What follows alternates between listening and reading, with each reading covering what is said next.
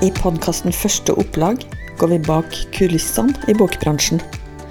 Du vil få møte forfattere, redaktører og andre bransjefolk som deler av sin erfaring med å gi ut, markedsføre og selge bøker.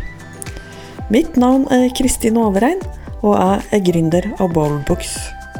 Vi hjelper forfattere med å gi ut bok på eget forlag.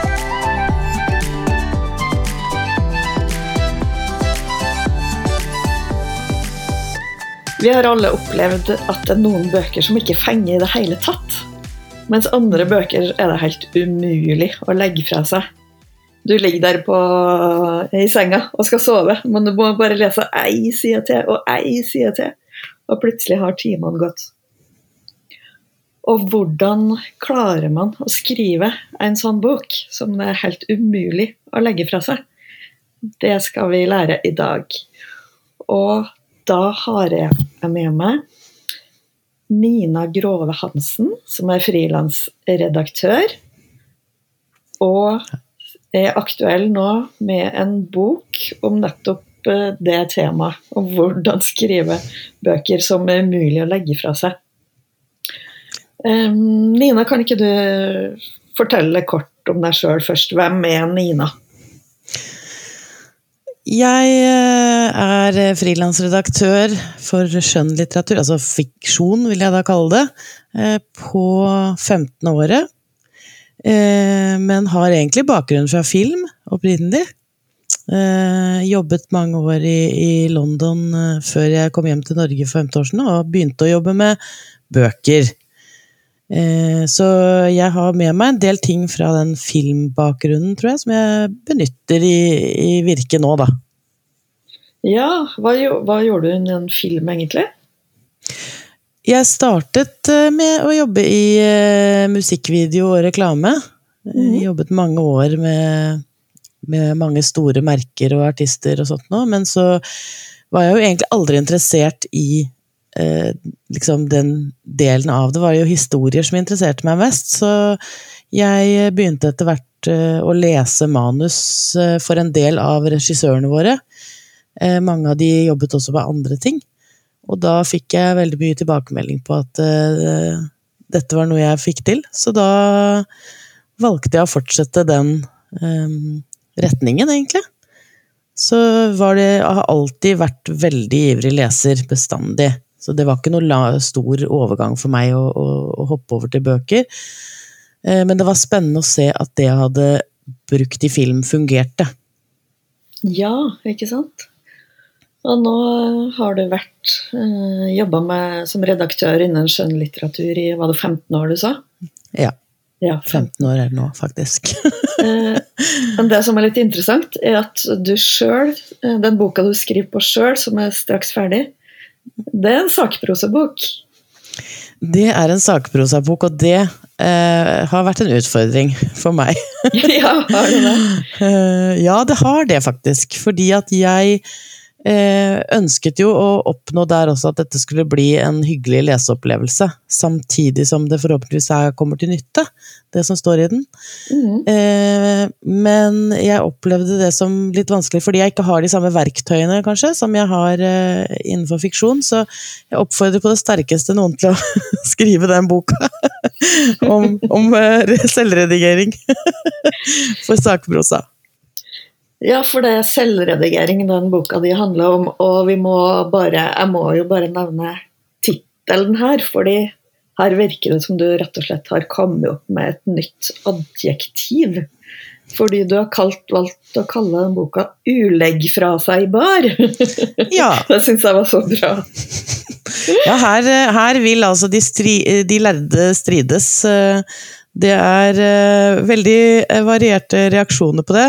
For det første så har jeg ikke funnet det på selv. Jeg fant det i en artikkel uh, om Petter Skjerven, så jeg får tilskrive han det. Ja. men det er jo en saftig anglisisme. Altså, det er jo et ord som er sentralt i andre engelsktalende land innenfor litteratur. unputdownable. Som ikke er det samme som en page turner vil jeg påpeke. Eh, men en bok som er unputdownable, den har denne kvaliteten. da. Der er 'U legg fra seg bar', for jeg fant ikke noe godt alternativ på norsk. ja. Oi, altså, det er ikke det samme som en page-turner, det ville jeg ha trodd, egentlig. Nei, eh, for meg så er det ikke det. Fordi at For meg så er page-turner er selvfølgelig noe som fenger, men det er også en, en kvalitet som er lettlest over det. Eh, og de bøkene jeg eh, henvender meg til, trenger ikke å være de lettleste. De skal være gode å lese, men ikke lettleste nødvendigvis. Ja. Kan være. Mm. Eh, og undertittelen på boka di er jo 'En håndbok i dramaturgi og selvredigering'. Ja. Kan vi ta ordet dramaturgi først? Hva betyr egentlig det? Er det at man har en spen spenningskurve, eller? Ja, spenningskurven er jo bare en eh, del av strukturen, som er bare én del av dramaturgien. Altså det som er litt dumt, er at folk kaster dette ordet rundt på en måte som eh, er litt sånn Mye som er i, i litteraturen, er egentlig litt sånn, oppfatter jeg. Uh, at folk ikke Eller tar det for gitt. Folk tar det for gitt at andre vet hva alt er, og så blir det litt sånn at man ikke tør å spørre, nesten. Ja. Eh, og dramaturgi er en, et av de ordene som jeg jo opplever når jeg jobber med folk, at de har hørt mye, eh, kanskje til og med brukt, men aldri forstått. Eh, og dramaturgi er egentlig de mekanismene vi har i historiene som bidrar til å på en måte kommunisere godt, da. Eh, det er det som skaper en fremdrift, men det er også det som er med på å skape karakterutvikling osv. Det er på en måte ja, det er også språk, faktisk. Så, så det, dette går, strekker seg gjennom en hel helhet, da. Eh, men det er de fortellermekanismene vi kan kalle det på norsk, så kan du si at det er fortellerkunsten, på en måte. Det er ikke, det er ikke, det er ikke Hva heter det? Jeg begynner på nytt. Det er ikke begrenset til uh, bare bøker. Det er i teater, i uh, film, i spill, i alle mulige fortellerkunster, da. Ja, da kan man tenke på det mer som en verktøykasse av forskjellige grep man kan gjøre, da? Absolutt. Det er det det er. Og er, det som er fint med det, er jo at det er ikke noe regler. Man kan selvfølgelig eh, gjøre som man vil, men vi vet jo av erfaring at dette er teknikker og mekanismer som fungerer. Så for meg så er det jo veldig viktig at folk kan det. Eh, for dette er den delen av eh, på en måte forfatterskap da, som man jo alle kan lære seg. Mm. Altså dette er ikke noe Dette er noe som man kan tilegne seg. Man trenger ikke å ha dette i blodet. Noen har det, men man må ikke det. Ja. Eh, og når eh, du mottar manus som redaktør, så hjelper du jo folk å, med disse verktøyene, men samtidig så er du veldig opptatt av at folk kan lære seg disse grepene sjøl og gjøre en eh, god jobb sjøl før de kommer så langt at de leverer manuset til en redaktør. Og du har jo Jeg veit jo at det her virker, fordi du har jo nå hatt flere skrivekurs gjennom Ballbooks hvor vi ser at forfattere som har tatt eh, de kursene der, har jo opplevd å blitt innkjøpt av innkjøpsordningen osv. Så, videre. så det, det, er jo noe du gjør her eh, som tydeligvis funker veldig bra. Eh, og ja. det å lære folk om selvredigering. Ja, jeg syns jo det som er viktig Nå er jo kurset for så vidt et skrivekurs, men det er basert på mye av de samme prinsippene. Eh, men det som jeg tror er litt viktig å få med seg, da, det er at eh, det er ikke uvanlig at folk, forfattere, går eh, fem, seks, syv runder på et manus før det blir utgitt. Noen ganger mer. Sammen med en redaktør på et forlag. Og det tenker jeg er litt viktig at man får fram fordi at sånn det er blitt i dag, så holder det ikke å bare skrive masse ord og så sette et punktum og så sende det inn. Og hvis du gjør det f.eks. til meg, da, så tar jo jeg gjerne den jobben, men jeg føler at man kunne fått så mye mer ut av det dersom man hadde gjort noen av de mest sånn grunnleggende eh, sjekkene selv i forkant. Så det var egentlig det som drev meg til å, til å skrive denne boken. Det var det at jeg tenkte at Altså at folk sender inn manus eh, både til eh, en redaktør de betaler for, eller en redaktør på et forlag, eh, uten at de har gjennomgått det nøye og på en måte sjekket ganske enkle ting. Det er jo uheldig. Ja. Men så fant jeg ut at det var jo så vanskelig for folk å finne ut hva de tingene var. ja. Det var ikke noe enkelt i det hele tatt. Og det forstår jeg faktisk. Det, jeg, det ligger mye ute på nett, men det er ikke samlet, så Ingenting av det jeg kommer med sånn sett er nytt, men det er på en måte satt i et spesifikt lys, da. Som er det å skulle redigere seg selv. ja. Hva er det som er de grunnleggende Hva var det kalt de Grunnleggende Prinsippet. elementene man må ha på plass? Altså, selvfølgelig skal man jo ha en hovedperson, eller, eller eventuelt flere. Eh, men eh, vedkommende hen eh, må ha et mål. De må ha eh, noe som de vil oppnå eller unngå i løpet av manus. Det er helt avgjørende. Eh, det er ikke sånn at det målet må være noe som man fysisk skal oppnå. Det kan være et indre mål, eh, men det må være der. Leseren trenger ikke nødvendigvis å forstå hva det målet er. Sånn, altså, eh, det behøver ikke være klart for leseren hva målet er. Eh, Det behøver heller ikke å være klart for eh, hovedpersonen hva målet er, men det bør være klart for forfatteren. Grunnen er at da får du en mye bedre struktur.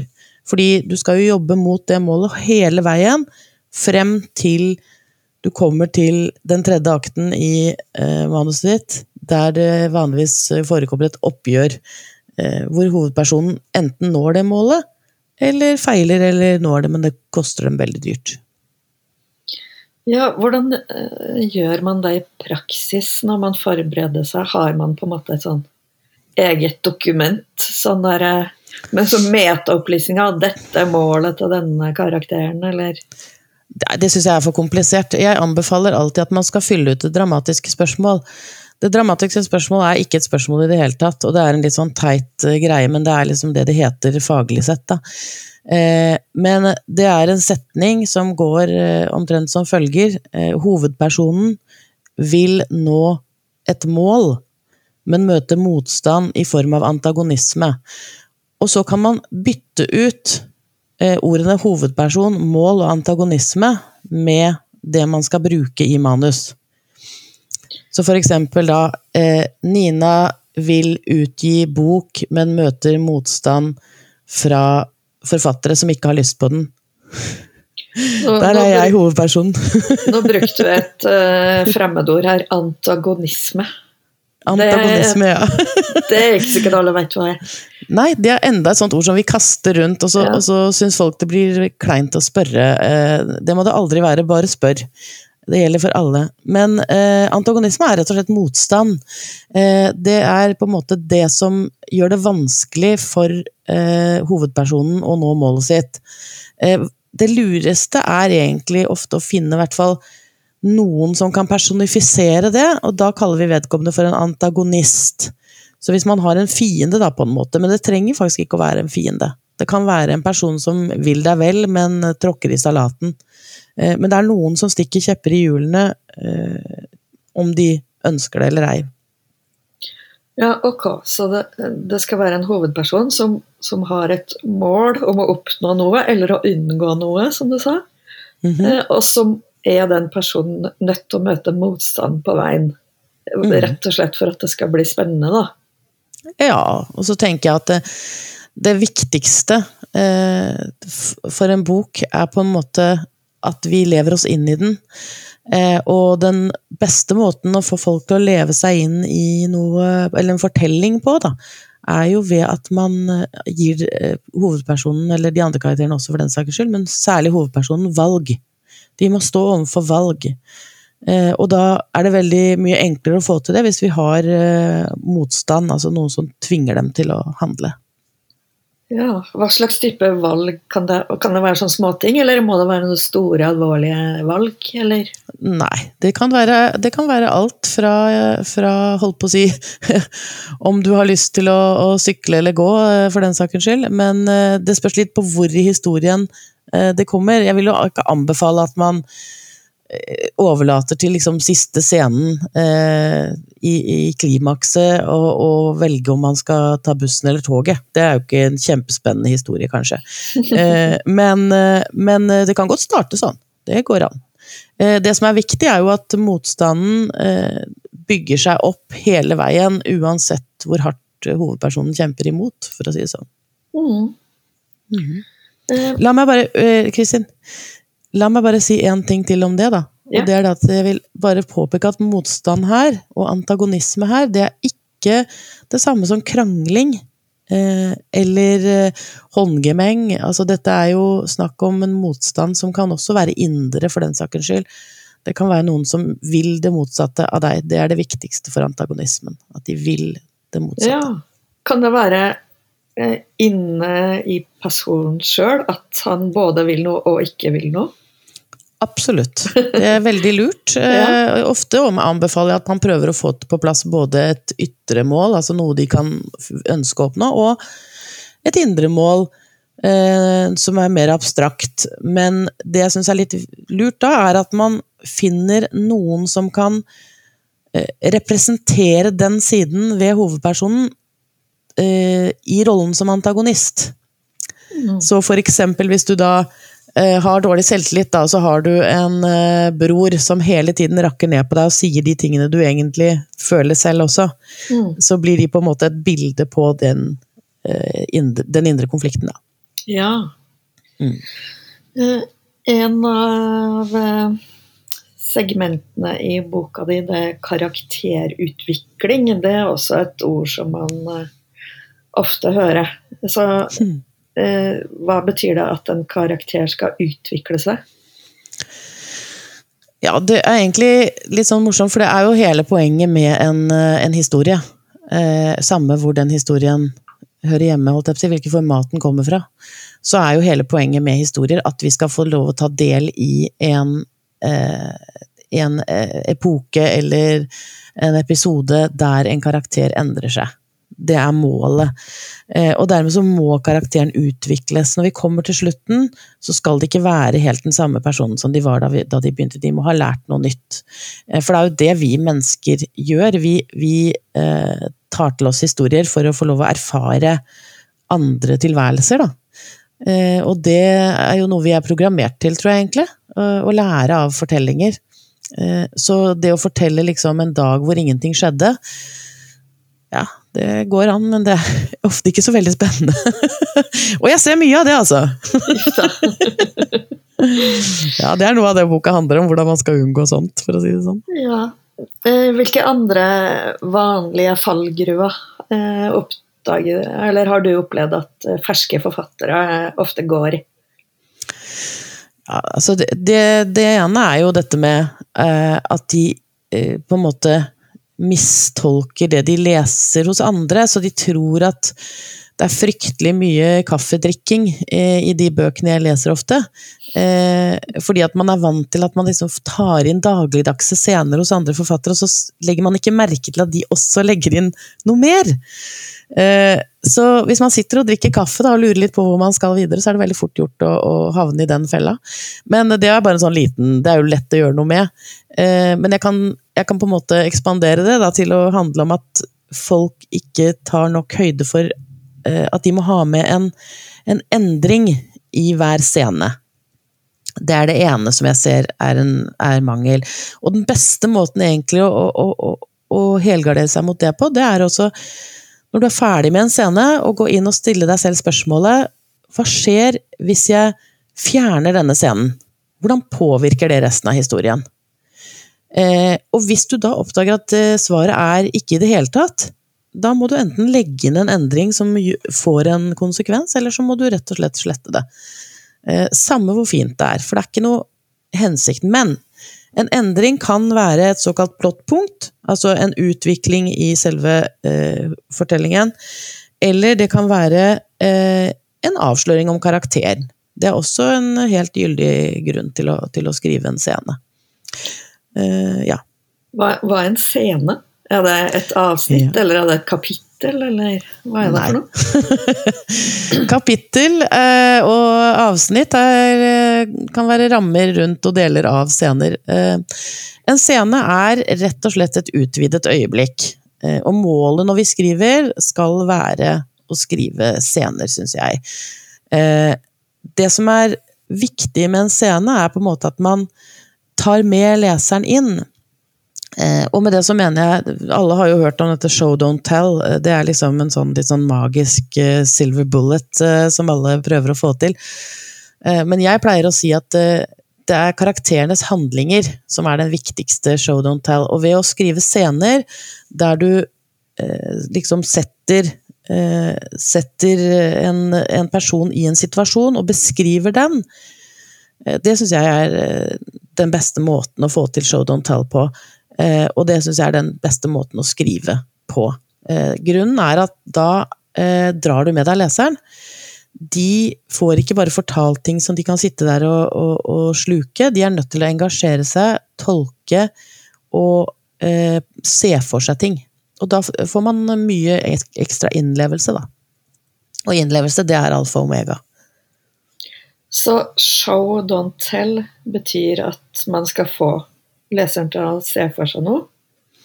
Ja, at man skal Det er mange ulike ting, faktisk, show don't tell, men i, i sin mest grunnleggende del så handler det om å, å skrive scene. Ta et øyeblikk, la oss si at du har en setning da, hvor det står uh, at eh, hun, uh, hun stekte pannekaker da han smalt døren opp. Da har vi på en måte en, en, eh, det vi kaller for tell, da. Ikke sant? Det var ikke noe mer med det, vi fikk ikke noe, noe bilde på det. Men hvis vi da istedenfor beskriver stekeosen, hvordan hun prøver å få opp den pannekaka, eh, men den ramler og eh, klapper seg sammen, sånn som pannekaker gjerne gjør. eh, og at han da akkurat i det verste øyeblikket åpner den døra, kommer inn eh, og brummer et eller annet, så har man plutselig skapt en scene istedenfor. Jeg pleier å si at du rett og slett kan ta en setning og utvide den til tre eller fem, så vil du måtte fylle de setningene med, med beskrivelser som gjør det mer levende. Ja, nettopp, ja. Samtidig så sa du jo i stad at det ble litt kjedelig å beskrive sånn, litt sånn hverdagslige situasjoner. Mm. Men det her er ikke det samme. Ikke når det blir en konflikt, da blir det alltid interessant med en gang. Ja. Så, så man trenger ikke å starte med konflikten, man kan selvfølgelig ha en opptakt osv., men det må være en, en konflikt, det er ikke nødvendigvis en krangel. Mm. Det er bare at det dukker opp noe som, som stikker eh, noen kjepper i hjulene. Eh, og det trenger ikke å være noe stort bestandig, men det Mm. må være noe som endrer seg som følge av det. Og Mm. konflikt, da mener jeg egentlig mest av alt at eh, karakteren da blir stilt overfor et valg. Det er det viktigste. Ja. For valg er på en måte Det er som i virkeligheten også. Det er når du skal gjøre tunge valg, det er på en måte da eh, sannheten eh, kommer frem da, om hvem du egentlig er. Ikke sant? Og det er derfor det er viktig for karakterutvikling. For da får vi komme under huden på folk. Eh, og jeg pleier å si det, bare så det er sagt, hvis man, hvis man har en bok som er litt kjedelig, eh, så, så, så tenker jeg at det, det er bare å kjøre opp motstanden. Gi dem mer å, å stri med, mer å tape. Eh, større konsekvenser, så vil de til slutt måtte handle. Mm. Hvordan skal man tenke rundt det å strukturere et helt manus på veldig mange sider? Over 100 sider. Ja, altså det finnes jo mange ulike måter å jobbe på. Og jeg tror ikke liksom, man kan si konsekvent at, at man skal eh, jobbe liksom, på papir i forkant og skrive opp uh, ting, men det er mange som velger å gjøre det. Uh, jeg tenker at i selvredigeringshenseende så er det kanskje det viktigste uh, som jeg pleier å anbefale, det er jo at man tar en Det er litt sånn sjekk som man kan gjøre på seg selv, hvor man tar en, en time, og så setter man seg ned, og så bruker man maks 800 ord, pleier jeg å si. Så skriver man ut fortellingen sin etter minnet. Og så når man er ferdig med det, så kan man gå inn og, og prøve å se om man har med de viktigste vendepunktene i historien. Eh, I starten, i midten og mot slutten. Og så tenker jeg at det er en øvelse som jeg ofte ber folk om å gjøre, nettopp fordi at det handler om fordelingen av materialet, hvordan man ser historien sin, hva man ser som viktigst. Eh, og da kan man ofte oppdage huller og, og logiske brister og sånt også, og det er veldig lurt. Man får ikke plass til alt da på 800 ord, men, men, eh, men det er en kjekk teknikk, faktisk. Ja, det var lurt. Ja, betyr det, sa du nå, at det bør være tre vendepunkt? Ett i starten og ett midt på og ett mot slutten? Ja, det er selvfølgelig mange steder hvor det er endringer underveis, men jeg kaller jo det da for plottpunkter. Altså alt som ikke er i, i hovedstrukturen, kaller jeg for plottpunkter. Eh, hovedstrukturen eh, er over tre akter, eh, og eh, altså begynnelse, midt og slutt. Eh, ikke nødvendigvis i den ordren, forresten, bare sånn at det er sagt. Det er bare hvordan man bygger det opp. Mm. Eh, men man må ha et vendepunkt i starten der hovedpersonen får seg et mål som følge av anslaget. Og så må man ha et vendepunkt i midten der man får ny giv, og så må man ha en, et vendepunkt på slutten der man på en måte blir tvunget over i det siste oppgjøret. Ok, Så et vendepunkt, hva, kan du forklare litt mer hva det egentlig er? Ja, i, i, den, i det hendelsen her så er, det, så er disse vendepunktene det knytta opp mot det målet eh, som vi snakket om i begynnelsen. Mm. Eh, og det betyr at eh, når vi kommer i starten, så skjer det et eller annet som setter eh, karakteren over på en ny og uventa kurs. Eh, og i den forbindelse så blir de stilt overfor et valg, og det valget det blir eh, målet deres for boka. Ja. Eh, og så er det sånn at når du kommer til midten av boka, så må hovedpersonen forplikte seg til det målet igjen. Så for eksempel hvis du har en, en krimroman, eh, og du har eh, en detektiv da, i begynnelsen som ønsker å, å oppklare et mord, så kan man f.eks. si på midten kommer man gjerne kanskje til et punkt der La oss si da eksempel at, eh, at man tror at man har tatt gjerningsmannen eller gjerningskvinnen, eller gjerningspersonen, og så hopper man eh, da inn i historien og får en ny opplysning, f.eks. at det da skjer et mord til, eller et eller annet på samme modus, eh, som da gir denne detektiven en ny giv. For da forstår de at den som er fengslet, kan ikke være skyldig. Så da må de inn, ut og gjøre det igjen. Og så på siste vendepunktet så kalles det for point of no return. Og det er fordi at når vi kommer hit, så kan ikke eh, hovedpersonen lenger vende tilbake til sånn ting var. De er nødt til å ta denne siste utfordringen. De kan ikke bare si 'nei, vet du hva, jeg tror jeg gir meg'. 'Jeg har fått nok av dette. Jeg bryr meg ikke om hvem som tok livet av han Kaon'. Det spiller ikke noen rolle. Det går ikke. Da er jo historien over. Så de er nødt til å på en måte ta, eh, møte enda tyngre motstand, og allikevel forplikte seg til det målet de hadde i begynnelsen. Eh, det er liksom grunnleggende. Og la meg si det at det her, her er ikke hele historien. Dette er det overordnede plottet, det som skal på en måte dra eh, historien fremover. Mm.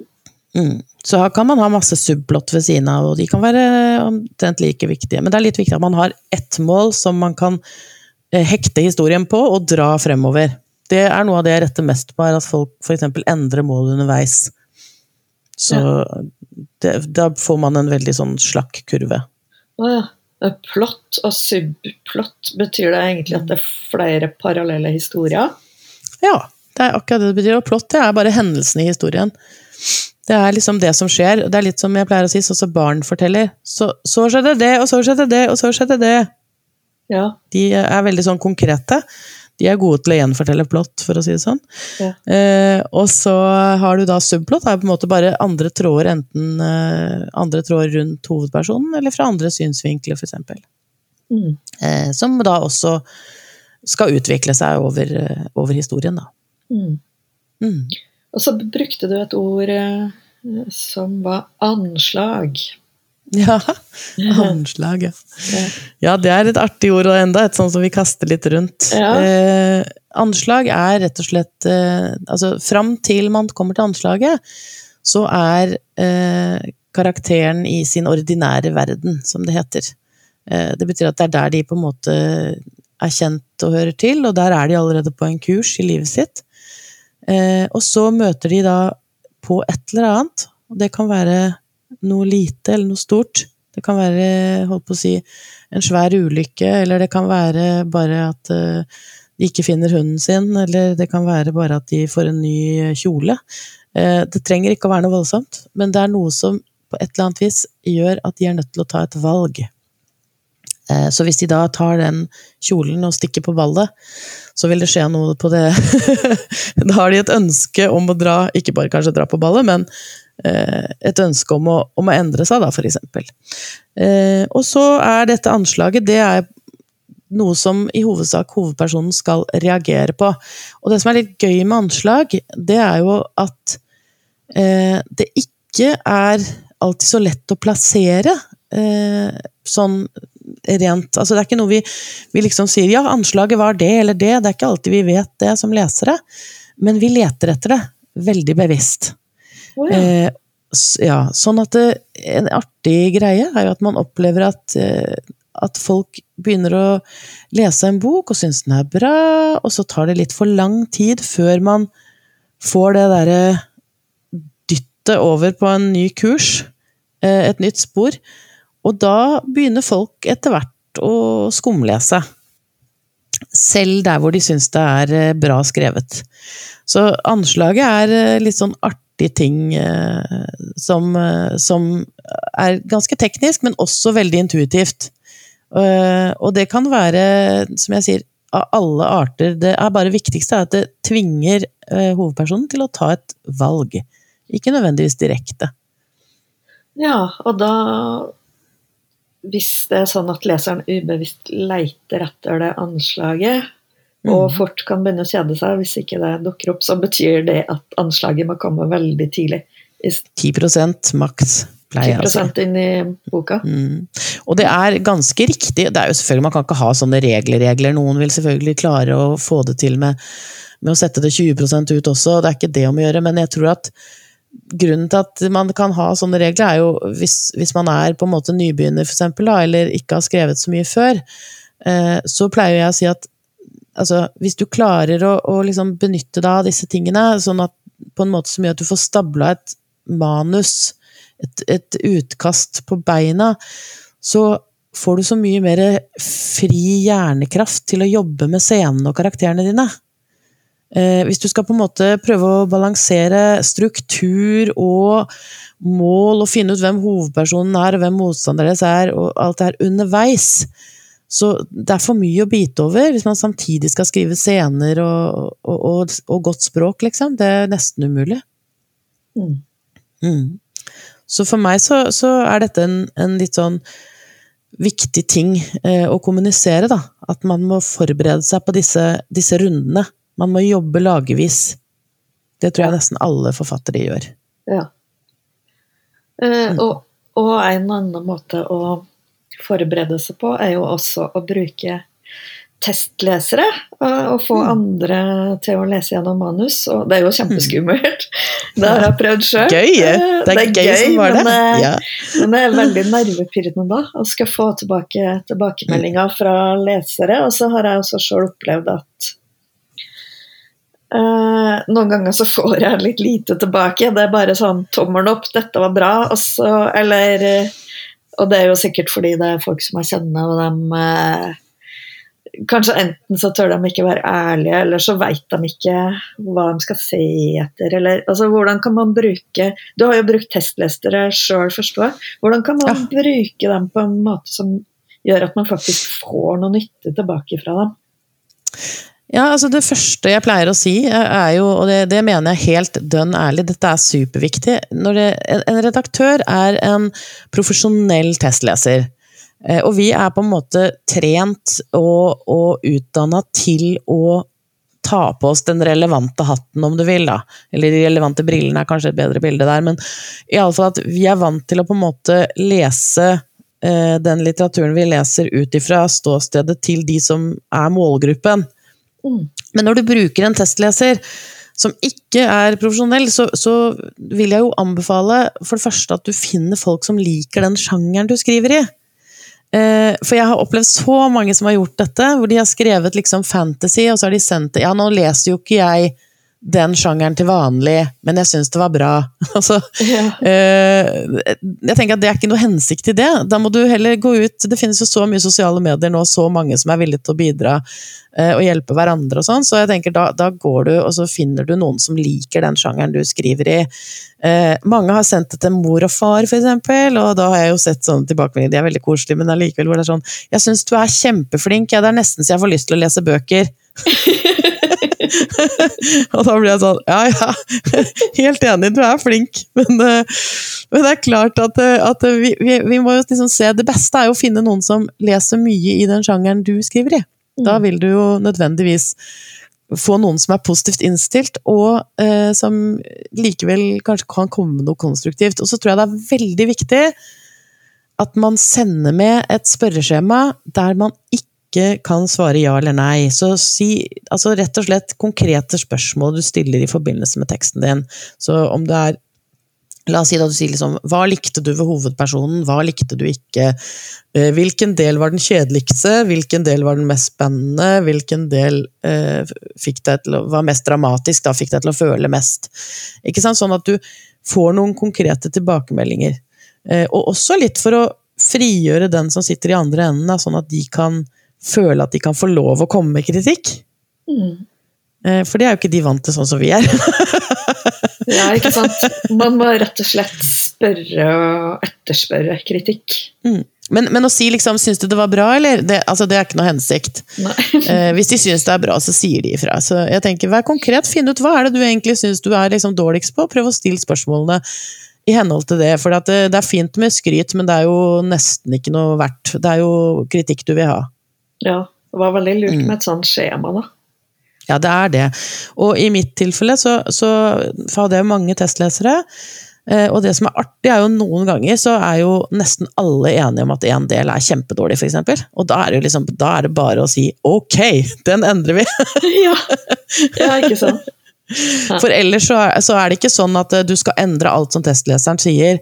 Eh, målet med testlesere og redaktører og alle andre innspill er at forfatteren skal bli var mulige problemer og eh, ta noen bevisste valg, som jeg pleier å si. Mm. Mm. Så du kan stå i det. Ja. Eh, Nå har vi fått veldig mange gode tips, syns jeg, til hva Mhm. man kan gjøre for å forbedre manuset sitt. Og enda flere tips for dem som vil fordype seg i det her og lære seg om dramaturgi og selvredigering. er jo da å skaffe seg den boka eh, di, da, som heter 'Ulegg fra seg bar'. mm. som, eh, som eh, Nå er vi i Når dette lydopptaket ta, blir tatt opp, er vi i starten på juni 2022. Og denne boka skal snart ut på markedet. Du gir den ut sjøl også, Nina, ikke sant? Mm, det skal jeg faktisk. Ja. Mm, Hvorfor valgte jeg du det? Nei, altså, jeg valgte det egentlig fordi A. Jeg ville ha full kontroll på innholdet selv. Eh, og for det andre fordi jeg tenkte at jeg antageligvis når de aller fleste som jeg ønsker å nå. Eh, fordi at jeg allerede har et, eh, et nettverk i, i denne bransjen.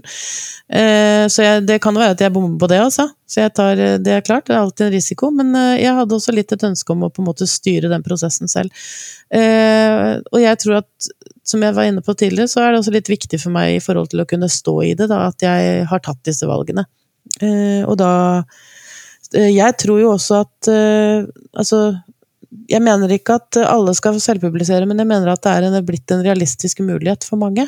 Mm. Eh, og jeg tror at eh, det har vært en tung prosess innimellom, det skal jeg være ærlig på. Det er mye man skal lære seg. Men eh, jeg syns det har vært eh, utrolig interessant også. Det blir spennende å se nå, da. Jeg har en markedsføringsplan lik null, så får vi se. Jeg har ikke noen markedsføringsplan! Jeg tenkte at den går sikkert av seg sjøl. Ja, det, Nina, det burde du ha tenkt på litt tidligere. Det burde jeg sikkert, men jeg er jo bare redaktør. Eh, Så jeg, jeg tenker ikke på sånt. Det, det, det er det liksom eh, akilleshælen min, da. Men det ordner seg nok. Men eh, jeg tenker at det å gi ut selv er en spennende mulighet som vi ikke hadde for, for en del år siden nå, da. Men allikevel ikke så lenge siden, så var ikke det en realitet. Så det syns jeg er veldig spennende. Men det som er bra med, med denne type bok som du skriver, er at den er jo helt tidløs. Ja. Altså, jeg vil tro at de rådene som man lærer her, de er ikke noe mindre aktuelle om 10 år eller 20 år. ikke sant? Så det her er jo Om ikke du Nei. har satsa alt på markedsføringa nå i, i juni, så kan jo du fortsette å markedsføre den her i år etter år etter år.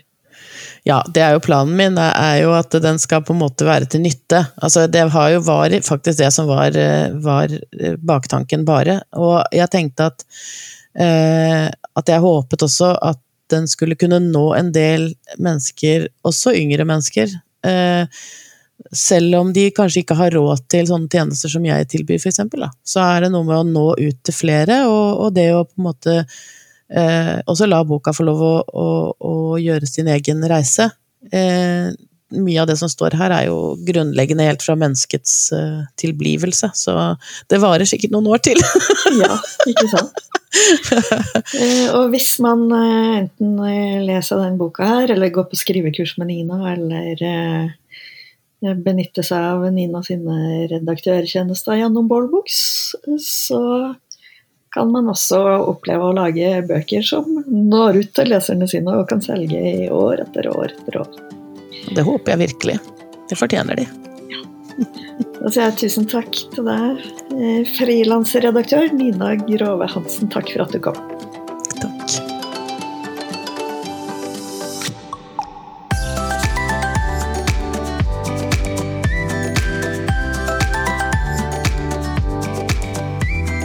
Du har hørt en episode av Første opplag, en podkast produsert av Bowlbooks.